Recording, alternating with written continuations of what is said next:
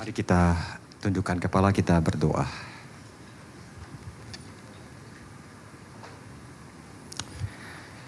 Tuhan kami menghampiri Engkau, ampuni segala dosa kami Tuhan.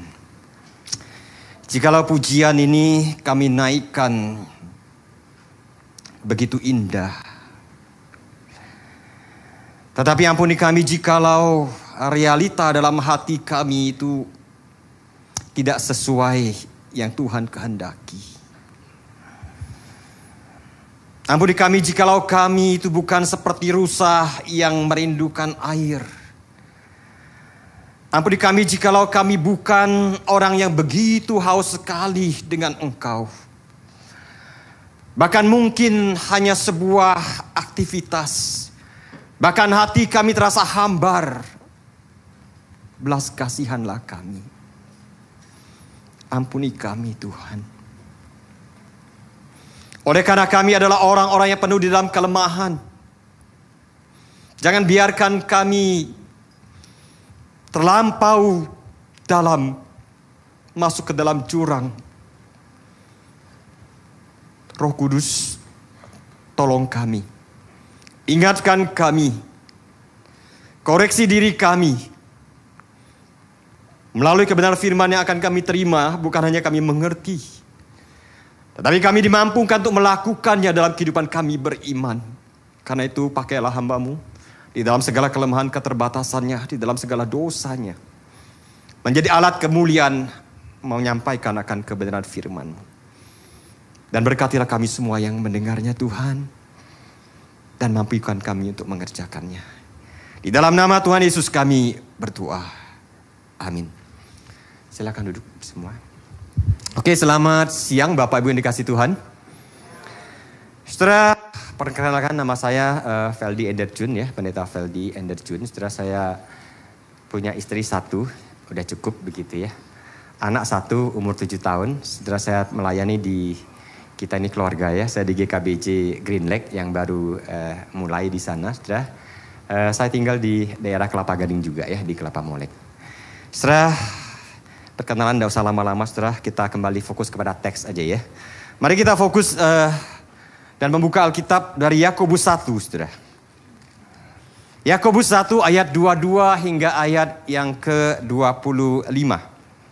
Saudara kita membaca bagian ini uh, secara bertanggapan. Saya akan mulai ayat 22. Bapak Ibu ayat 23 hingga ayat 25 ya, ayat 22. Tetapi hendaklah kamu menjadi pelaku firman dan bukan hanya pendengar saja, Sebab jika tidak demikian kamu menipu diri sendiri.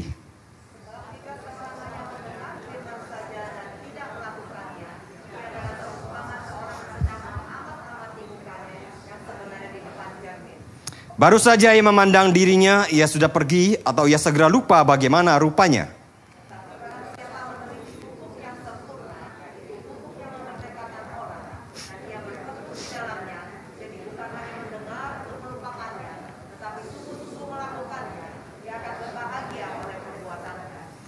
Setelah Jusmarna, Jusmarna dengan uh, Mark di dalam bukunya uh, Boiling Point, setelah dia mengatakan bahwa orang-orang Kristen itu mereka tidak mengerti keunikan imannya. Bahkan dalam surveinya itu, sepertiga itu mengatakan bahwa semua agama itu semuanya sama. Tidak ada yang beda.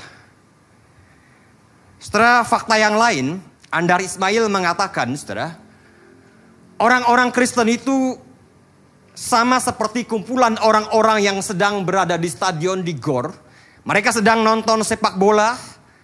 Satu ketika mereka bersorak bersama, kemudian mereka berdiam bersama, kemudian mereka menjadi tegang, kemudian mereka bersorak lagi, dan ketika permainan pertandingan selesai, mereka bubar.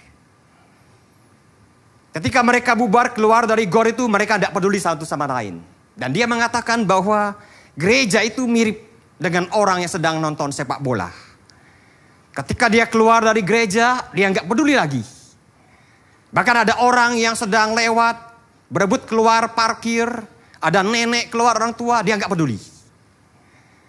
Bukankah baru saja dia menerima berkat Tuhan dan dia diutus, ya, Ulanglah ke rumah, ke rumah masing-masing jadilah saksi Tuhan. Tetapi tidak peduli. Setelah ini perkataan Andar Ismail, saudara. Sehingga saya berkesimpulan, saudara, tidak heran jikalau, kalau kita mau jujur, saudara, sesungguhnya begitu banyak kehendak Tuhan yang mungkin belum tercapai melalui diri saya. Belum tercapai mungkin eh, melalui kita semua, saudara. Tuhan minta kita itu mengasihi musuh. Apakah betul kita mengasihi? Tanyakan kepada diri, diri kita masing-masing, saudara. Kadang saya tuh nggak suka dengan lagu apa ya? Uh, hari ini kami rasa bahagia. Saya nggak suka sebenarnya. Sebenarnya bukan lagunya saya nggak suka, sudah. Hari ini gitu, kami rasa bahagia gitu ya. Setelah coba kamu rasa, rasa bahagia di sebelahmu di gereja yang sedang kamu sakit hati, kamu sedang benci sama dia. Belum lagi refnya, bergandengan tangan. Lu mau bergandengan tangan? Kalau bisa pindah, lu pindah kali begitu ya. Setelah kita mesti jujur. Kadang mungkin begitu banyak hal yang kita tidak suka dan kita tidak lakukan. Tuhan minta kita itu hidup kudus. Apakah betul hidup kudus? Alkitab katakan kamu menginginkan perempuan, kamu mandang dia dan kamu menginginkan kamu berzina. Tuhan minta kita itu penginjilan. Menyampaikan kabar baik kepada banyak orang yang belum kenal. Apakah dilakukan? Tuhan minta kita itu jadi kepala keluarga, jadi suami, jadi anak, menjadi teladan di rumah. Apakah betul firman Tuhan diterapkan? Setelah satu hal yang lebih mencekamkan lagi fakta di dalam Alkitab, saudara. Menceritakan bahwa suatu hari itu, ada orang-orang yang menganggap dirinya itu pengikut Tuhan, saudara. Tetapi dia akan tercengang suatu ketika Tuhan Yesus katakan apa? Aku tidak kenal engkau. Dia mengatakan saya melayani Tuhan. Tuhan katakan apa? Engkau pembuat kejahatan. Setelah ini sesuatu yang sangat ironis. Sesuatu yang sangat mengerikan sekali. Sedangkan Tuhan itu minta orang-orang percaya itu menjadi saksi Tuhan di tengah dunia dalam gelap ini. Orang-orang percaya itu menjadi pelaku firman. Oleh kenapa? Oleh karena kita ini adalah orang-orang dalam status yang dibenarkan oleh Tuhan. Di dalam Roma itu jelas. Bahwa kita ini orang berdosa iya. Tetapi sekarang kita menjadi orang-orang yang sudah dibenarkan oleh darahnya. Sehingga Paulus itu minta dalam Efesus 4 ayat 24 itu. Hendaklah engkau mengenakan manusia yang baru. Artinya kehidupan kita orang-orang Kristen ini mesti berbeda dengan dunia ini. Cara hidup dan prinsipnya mesti berbeda dong. Betul? Amin? Kok nggak ada amin nih saudara? Kita mesti sama dengan dunia ini. Tidak, saudara. Kita mesti berbeda dengan dunia ini, saudara ya. Mestinya bahkan bukan hanya berbeda, tetapi orang-orang Kristen mestinya menjadi cermin bagi orang-orang luar sana yang tidak kenal Tuhan itu. Kita ini menjadi contoh, menjadi penunjuk arah bagi mereka dalam kesesatan dan mereka mengenal Tuhan. Kalau kita mau belajar, saudara, ilmu teknologi atau security gitu ya, belajarlah kita pergi ke Israel sana. Ya sekarang lagi perang begitu ya. Bagaimana cara nangkal bom uh, bomnya itu uh, Iron Dome-nya begitu. Kita belajar teknologi mestinya ke sana. Kalau kamu belajar kedokteran paling enggak kamu ke Jerman lah. Ya paling enggak ya di Taiwan lah atau di Asia di Singapura termasuk oke okay lah begitu ya. Saudara mestinya saudara kalau orang-orang di luar sana yang tidak kenal Tuhan kalau mau mengenal kebenaran, mengenal Tuhan tuh belajar dengan jemaat GKBJ, kelapa gading. Kan begitu.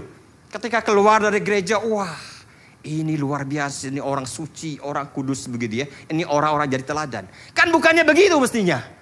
Karena kita ini mesti jadi teladan minimal di tengah keluarga. Kita itu paling tidak memberikan pengaruh yang baik. Menjadi berkat di tengah keluarga. Amin saudara. Itu yang pertama. Yang kedua saudara. Kita ini kenapa mesti jadi pelaku firman? Karena kita ini hidup di dalam tantangan yang tidak mudah. Kita mesti menjadi orang yang terlatih. Mesti menjadi orang yang tangguh. Permasalahannya bagaimana bisa tangguh kalau tidak berakar. Bagaimana ketika yang didengar itu tapi nggak dilakukan. Ini menjadi problem saudara. Tapi bagian ini saya nggak akan menjelaskan panjang lebar ya. Karena minggu lalu pasti sudah dijelaskan saudara ya. Saudara, kita menghadapi satu tantangan memang yang tidak mudah saudara. Dan kalau kita lihat kepada ke Alkitab saudara Ternyata Alkitab dengan jujur memberikan contoh-contoh Alkitab itu memang mereka bergumul luar biasa. Kalau membaca dalam kejadian 12, kejadian 20. Bagaimana di sana Abraham itu bergumul luar biasa ketika Tuhan minta dia keluar dari negerinya pergi ke negeri antah berantah yang dia tidak tahu. Abraham dengan taat. Tetapi saudara ketika berjalan dia akan masuk ke tempat Mesir, dia takut jangan-jangan orang di sana saudara akan membunuh dia. Dia ngomong apa ke Sarah istrinya? Nanti masuk ya ke Mesir, bilang ke orang, kamu bukan istriku. Bilang kamu adikku, kamu saudaraku. Alkitab mengatakan sendiri bahwa Abraham itu dia takut mati.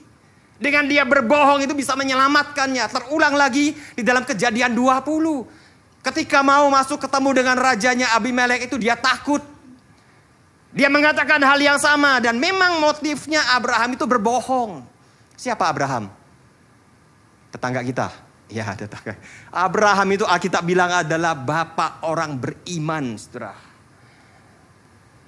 Jadi Abraham itu saya lihat sendiri, saya memahami bahwa ada satu pergumulan yang mungkin terjadi. Tetapi kalau kita membaca di dalam kejadian 22, Saudara, ada sesuatu yang berbeda di sana. Ketika Tuhan minta dia ambil anaknya, korbankan, persembahkan anaknya. Tetapi Abraham itu dengan taat mengambil dan melakukan persis seperti yang Tuhan minta. Ada apa saudara? Saya yakin sekali Abraham sendiri sebetulnya bergumul. Ada satu proses saudara. Nah, setelah kalau kita melihat contoh yang lain. Daud. Setelah Daud itu seorang yang luar biasa. Tetapi Daud pernah merencanakan kejahatan yang luar biasa jahatnya. Merencanakan pembunuhan dan berzina. Dan kalau kita mau melihat contoh begitu banyak yang lain, sudah. Petrus orang yang hebat. Dia murid Tuhan. Dia mengenal Tuhan. Dia menyaksikan kuasa Tuhan secara langsung. Tetapi ketika tantangan di hadapan dia, dia katakan apa? Aku tidak kenal siapa Yesus. Astra, pada akhirnya apakah membuat kita itu jadi pesimis? Ya. Bagaimana dengan saya? Toko Alkitab aja begitu hebat tapi mereka tidak bisa, mereka jatuh. Setelah kita mesti fair, kita mesti jujur. Bahwa begitu banyak dalam Alkitab itu toko-toko seperti Daniel, Sadrak, Abednego dan teman-temannya itu. Ada murid-murid Tuhan Yesus dan mereka rela mati demi mengikut Tuhan. Ada Paulus begitu banyak yang lain. Setelah kita melihat bahwa bagaimana kuasa Allah Roh Kudus menolong mereka, memimpin mereka. Dan saya yakin sekali kuasa Allah yang sama yang juga memimpin orang-orang percaya. Amin, Saudara. Kita ini sebagai orang yang sudah dibenarkan sebagai miliknya Allah. Semestinya sudah Allah Roh Kudus Allah yang sama yang terus menuntun memampukan kita mengerjakannya. Pertanyaannya saudara, apakah betul orang-orang percaya, apakah betul kita-kita ini adalah orang-orang yang mengandalkan roh kudus? Saya tidak menghakimi saudara, saya bertanya.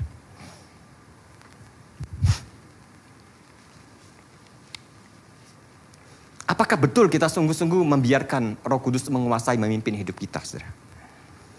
Orang yang mengandalkan akan kuasa roh kudus dalam dirinya, mesti ada cirinya yang muncul saudara. Minimal itu yang pertama mesti ada satu muncul kerinduan kecintaan dia kepada Tuhan dan kecintaan dia kepada firman-Nya Saudara.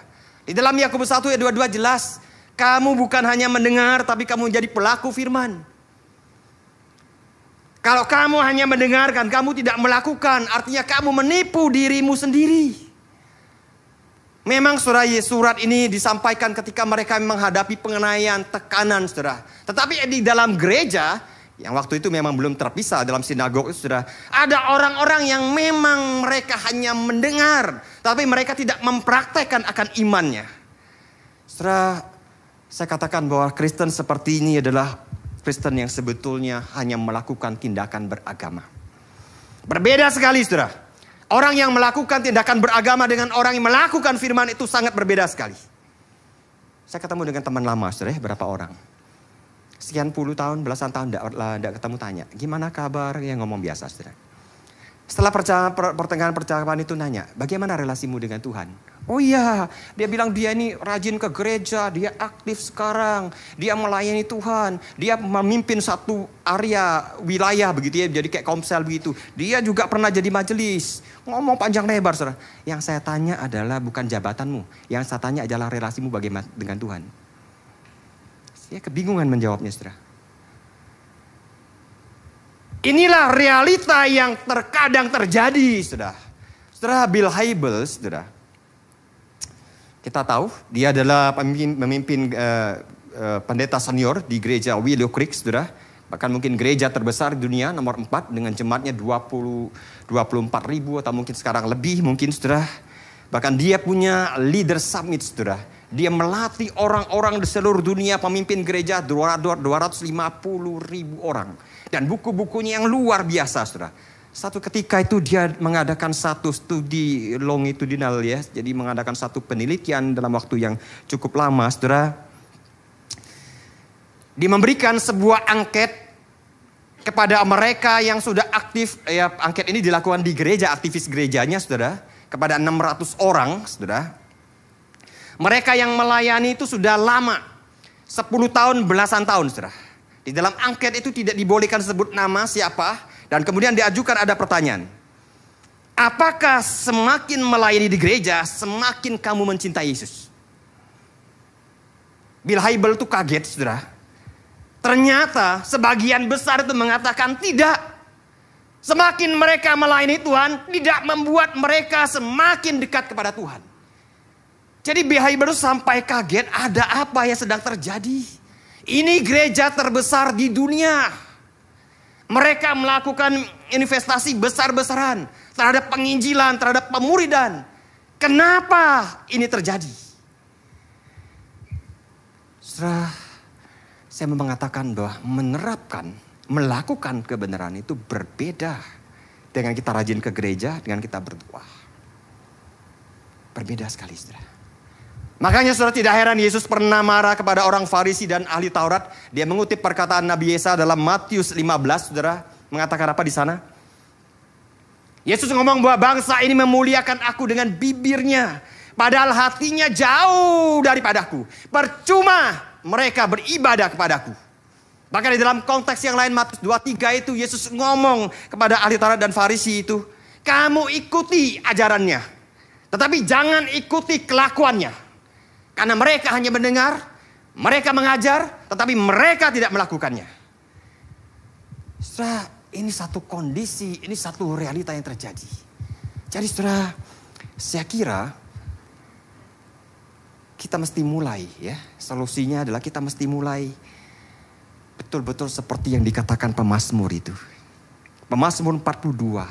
Seperti rusa merindukan sungai yang berair Demikianlah jiwaku merindukan engkau ya Tuhan. Seperti pujian yang kita naikkan. Apakah spirit itu ada di dalam diri kita? Jiwa yang haus sekali ingin mencari Tuhan. Yang haus sekali seperti rusa yang rindu akan air itu. Kalau tidak ada saudara, kita mesti berlutut datang kepada Tuhan. Bahkan dalam satu Petrus ngomong di sana satu plus dua dua. Mestinya kita itu jadilah seperti bayi yang baru lahir yang selalu inginkan air susu itu. Itu mestinya ada di dalam diri kita. Orang-orang yang menjadi pengikut Tuhan, yang mencintai Tuhan.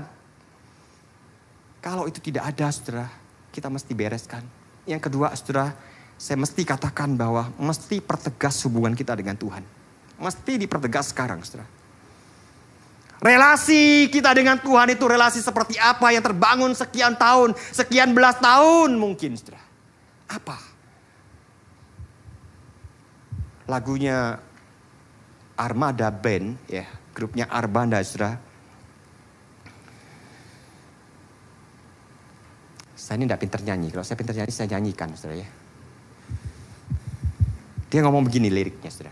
Semua telah kuberi dengan kesungguhan hati Tolong jawab pertanyaanku. Mau bawa di mana hubungan kita? Jika kau terus menunda-nunda dan tak pernah nyatakan cinta, ku tak akan terus jalani tanpa ada ikatan yang pasti antara aku dan engkau. Ini anak remaja yang suka nyanyi, bisa nyanyi siapa gini? Maju ke depan nyanyi begitu. Mau saudara hubunganmu sekian lama digantung? Enggak jelas? Mau? Tidak mau saudara. Jadi mesti perjelas hubunganmu dengan Tuhan. Jangan mau ada hubungan yang tanpa status. Saya mempertegas saudara di dalam bukunya Kyle Edelman saudara ya. Yang bukunya berjudul Not a Fan. ya, bukan penggemar, saudara. Dia menceritakan akan pergumulannya, saudara. Jadi ketika dia baru SMA dan baru mengenal seorang perempuan yang belum lama dia kenal, saudara. Mereka mengadakan kencan pertama itu baru pertama, saudara ya. Seperti biasa sambil makan ya canggung, mau ngomong apa begitu ya masih canggung. Ngomong tentang hal-hal yang luar lah ya. Misalnya, oh musik kesukaannya, hobi kesukaannya, saudara. Sambil makan, saudara. Udah hampir satu jam, saudara. Di akhir mereka sedang makan, mau mengakhiri itu sang perempuan bertanya. Mau bawa di mana kehubungan kita? Wah, Si Kyle itu merasa kaget sekali karena baru pertama kencan, baru pertama dekat ini perempuan sudah nanya hubungan kita mau dibawa ke mana saudara. Dan dia kemudian dia cepat-cepat pergi dari tempat itu dan dia mengatakan bahwa ini adalah pertemuan pertama dan terakhir. Masa belum apa saya ditanya status mau hubungannya seperti apa. Saudara, karena dia merasa tidak siap. Saya katakan kepada kita hari ini saudara, saya tidak tahu Siapkah kita itu menjadi pengikut Tuhan? Sekarang pertegas itu, saudara. Percuma kita ngomong menjadi pelaku firman Tuhan kalau hubungan kita tidak jelas dengan Tuhan. Mesti kita pertegas dulu. Tuhan tetap menanti kita dengan kesabaran. Menanti kita untuk kita datang, saudara. Kalau memang saudara sekian lama, sekian tahun itu terjadi, saudara saya tidak bisa membeberkan sekarang. Saya tidak memberikan resep begitu ya. Datanglah ke musuh Sobi, ke musuh Randy begitu ya. Selesaikan. Jangan dibiarkan berlarut-larut saudara. Jangan dibiarkan. Itu akan menjadi sesuatu yang sangat mengerikan, sesuatu yang sangat bahaya. Sehingga saya sangat setuju sekali ketika sering kali Pak Tong kalau mengadakan KKR begitu di akhir dia akan ngomong saudara ya. Jangan sembarang menjadi pengikut Tuhan. Kamu pikir dengan jelas. Kalau kamu mengatakan iya mau ikut Tuhan, iya katakan. Kalau tidak, jangan jadi pengikut Tuhan. Kalau kamu mengatakan iya mau ikut Tuhan, kamu harus siap pikul salib. Apa pun kondisinya, kesulitan apa pun, terus pikul salib. Ada konsekuensi, saudara, yang mesti dikerjakan. Jadi, saudara, tidak bisa kita hanya mengatakan bahwa kita ikut dan segala halnya itu, saudara, tetapi pertegaslah hubungan kita dengan Tuhan. Itu yang pertama. Yang kedua, saudara. Di dalam Yakobus 1 juga mengatakan bahwa ketika kamu membaca, mendengar firman, terimalah firman itu dengan lemah lembut. Terimalah firman itu dengan rendah hati, dengan ketundukan dan biarkan kuasa Roh Kudus itu menguasai. Firman itu menguasai, mengoreksi, mengoyak, mengubah diri kita. Bukan sebaliknya, saudara. Di dalam 2 Timotius 3 ayat 16 bukankah dikatakan bahwa segala firman tulisan yang diilhamkan Allah bermanfaat untuk mengajar, untuk apa? Menyatakan kesalahan, memperbagi kelakuan dan selanjutnya. Bahkan dikatakan dalam Ibrani 4 itu hendak firman Tuhan itu seperti pedang bermata dua.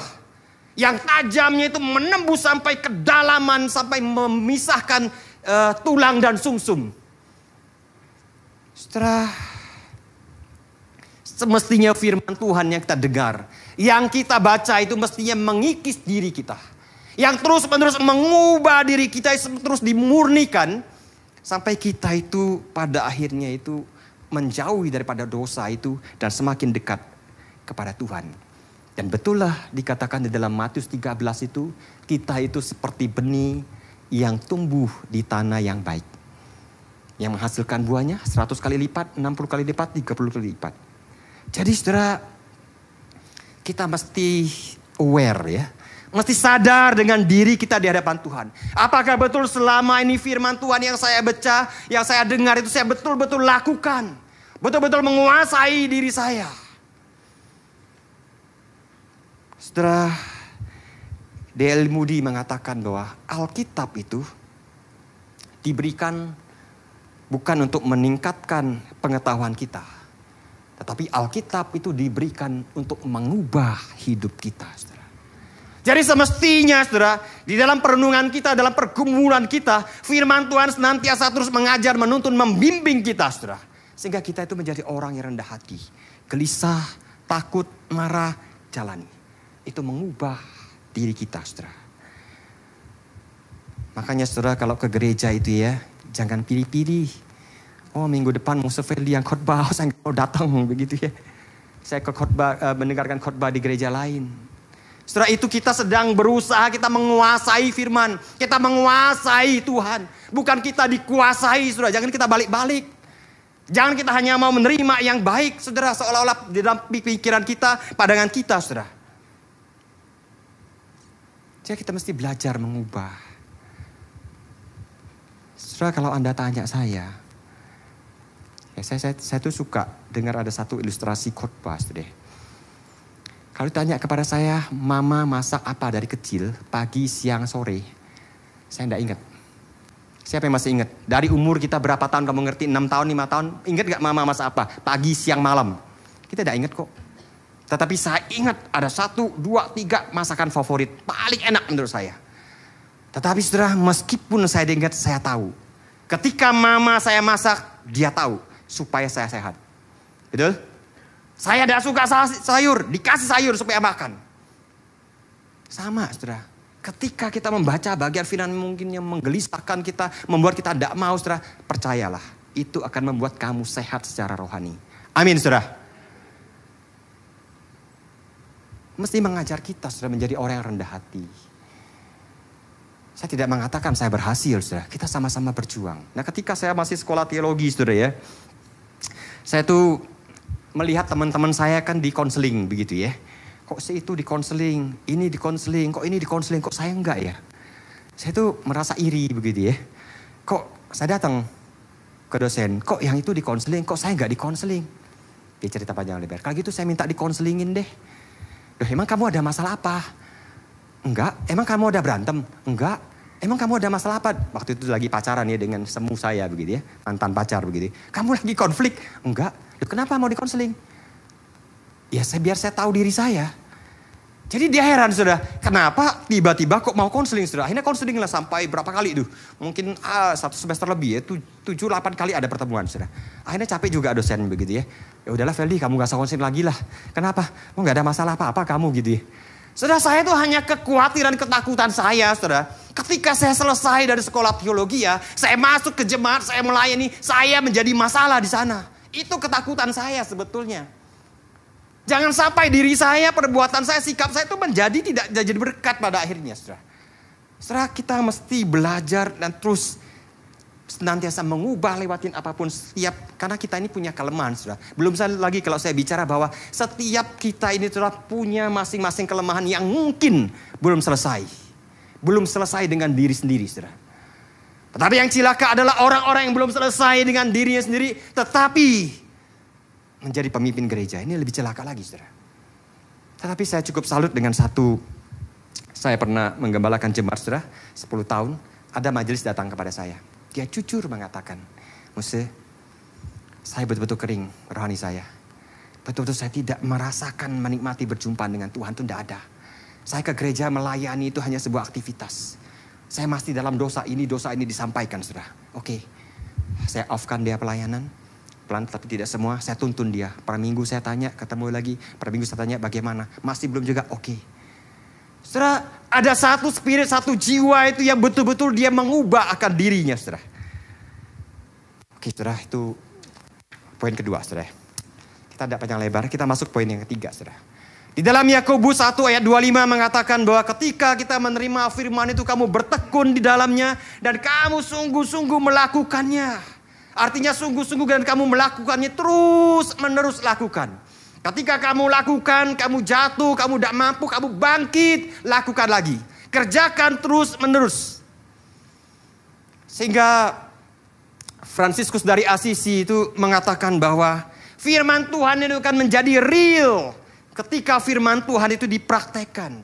Ketika kamu tidak praktekkan itu firman Tuhan hanya, hanya sebuah teori. Yang tidak berarti apa-apa tanda kutip saudara. Karena firman itu mesti dikerjakan, mesti dinyatakan dalam kehidupan kita. Itulah yang Paulus sedang jawab kepada jemaat di sana saudara. Agar mereka menyatakan imannya kepada orang-orang yang belum kenal Tuhan. Sehingga saudara yang ketiga itu kita mesti betul-betul memiliki komitmen yang begitu kuat mengerjakan firman itu saudara. Karena kalau orang tidak punya komitmen kuat saudara, dia akan merasa hopeless pada akhirnya. Saudara, Ada satu slide sudah saya mengatakan kepada kita bahwa kebenaran sudah kebenaran firman itu dari bahasa, uh, kalau bahasa Mandarinnya adalah i, ya. Setelah ada dua kata di dalam i itu saudara, yang bagian atas adalah yang, bagian bawah adalah wo. Ya, jadi secara posisi ya yang itu uh, domba atau kau yang anak domba, ya wo itu saya, saudara. Jadi secara susunan kata sebetulnya kita, wow itu mesti menjunjung kebenaran firman Tuhan itu. Setelah kalau kita katakan bahwa saya menjunjung kebenaran firman tanpa kita berkomitmen di hadapan Tuhan, setelah tidak ada artinya, setelah. Jadi ketika kita mau mengikut Tuhan, ambillah sebuah komitmen yang kuat. Setelah relasi suami istri, jangan pernah dimulai ketika tidak ada komitmen di sana. Relasi suami istri mesti punya komitmen di sana. Sama, saudara. Ketika kita mau mengikut Tuhan, ambillah komitmen yang kuat di sana. Saudara, kalau tidak, saudara, hati-hati. Kita terjebak hanya menjadi orang beragama. Saya katakan bahwa saudara, Tuhan itu memberikan anugerahnya itu luar biasa sekali.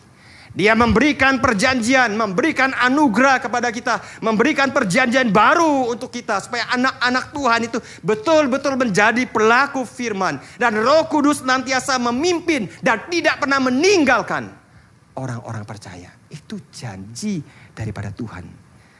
Jadi Saudara, kita mesti sungguh-sungguh mengerjakannya Saudara. Seperti seorang Paulus berkata Saudara, Ketika dia menghadapi tantangan yang berat, penderitaan yang sangat sulit, Paulus mengatakan bahwa justru di dalam kelemahanlah aku menjadi kuat. Setelah sekalipun dia menghadapi tantangan yang tidak mudah, pergumulan yang tidak mudah, dia mengatakan apa? Aku rela dalam siksaan, aku rela menderita, aku rela kesukaran, penganiayaan aku rela. Justru di dalam penderitaanku. Kuasa Tuhan itu semakin dinyatakan. Di dalam kelemahanku, Tuhan semakin dimuliakan. Jadi saudara, komitmen yang seperti itu yang mestinya kita lakukan. Sehingga saudara, kehidupan kita pada ada akhirnya adalah tercapai yang Tuhan inginkan. Nah saudara, sebagai penutup saudara, saya katakan dua hal kepada kita. Bukan hanya saya meminta kita mengerti, tapi lakukan sudah dua hal ini, saudara. Lakukan, saudara. Jadi saya ngomong panjang lebar dari awal sampai sekarang, saudara ya. Udah setengah jam lebih sekarang gitu ya. Dua hal yang mesti kita lakukan. Yang pertama, saudara, ambillah, tulislah di dalam Alkitab mungkin ada buk bagian kecil kertas begitu ya. Apa yang selama ini yang Tuhan minta kita lakukan, yang belum kita lakukan atau kita gagal melakukannya. Tuliskanlah itu. Doakanlah itu. Minta Tuhan itu pimpin. Ya. Minta Tuhan pimpin. Tuhan saya gagal di sini. Saya belum melakukan ini. Tuhan tolong saya. Dan kemudian remind, ingatkan diri kita. Terus kita lakukan. Yang kedua saudara, ambillah komitmen. Praktekan satu hal setiap satu hari. Praktekkan satu hal setiap satu hari. Dari firman Tuhan, dari khotbah yang kamu dengar, Alkitab yang kamu baca, mungkin renungan, tulisan, apa pun. Ketika kamu belajar sesuatu di sana, praktekkan. Tuhan, hari ini saya mau belajar jadi orang yang rendah hati. Sepanjang hari kerjakan. Tuhan, saya mau jadi orang rendah hati. Kita gagal saudara, besok lakukan lagi. Tuhan tolong saya menjadi orang yang rendah hati. Kemudian lakukan ini terus menerus saya yakin sekali saudara. Kita akan berhasil. Saya yakin sekali kita akan menjadi orang-orang pelaku firman Tuhan. Amin saudara. Kita mesti dengan serius mengerjakannya. Sama dengan dikatakan oleh eh, pendeta Billy Graham saudara. Dia berkata, dan dia mohon kepada Tuhan. Setiap pagi dia berlutut di hadapan Tuhan. Dia mohon Tuhan pimpin saya. Semuanya dan apa pun yang saya lakukan hari ini agar saya tidak melakukan dosa. Setiap pagi dia datang kepada Tuhan, dia berlutut di pinggir ranjang, dia mohon Tuhan pimpin saya. agar hari ini saya tidak melakukan dosa. Saudara ada satu kerinduan di dalam hatinya yang terus menerus mengerjakan firman Tuhan. Sehingga saudara kehidupannya itu nama Tuhan dimuliakan. Kiranya firman Tuhan ini menolong dan memberkati kita semua. Mari kita tundukkan kepala kita berdoa. Tuhan, hambamu selesai berkata-kata untuk menyampaikan akan kebenaran firman Tuhan kepada umatmu di tempat ini. Tuhan tolonglah kami semua dan hambamu. Agar kami semua menjadi pelaku-pelaku kebenaran firman. Kuasa roh kudus berkaryalah, berkuasalah atas kami semua masing-masing. Sehingga setiap kata-kata, perbuatan kami, kami adalah orang-orang yang rindu akan Engkau, yang rindu melakukan kebenaran firman Tuhan. Mampukan kami. Terkadang kami merasa hopeless. Terkadang kami merasa tidak kuat. Kami terkadang merasa tidak mampu. Tuhan tolonglah. Pimpinlah kami. Agar kehadiran kami, kami menjadi saksi Tuhan kepada banyak orang kepada orang di sekitar kami, kepada keluarga kami, bahkan kepada gereja dan dunia ini. Sehingga kami menjadi seorang Kristen yang bertanggung jawab. Menjadi seorang Kristen yang berfungsi sesuai yang Tuhan sendiri kehendaki. Karena itu pimpin, berkatilah pergumulan demi pergumulan yang dialami oleh umatmu di tempat ini. Berkuasalah dan pimpinlah kami semua. Di dalam nama Tuhan Yesus kami berdoa. Amin. Demikianlah firman Tuhan siang hari ini Tuhan memberkati kita semua.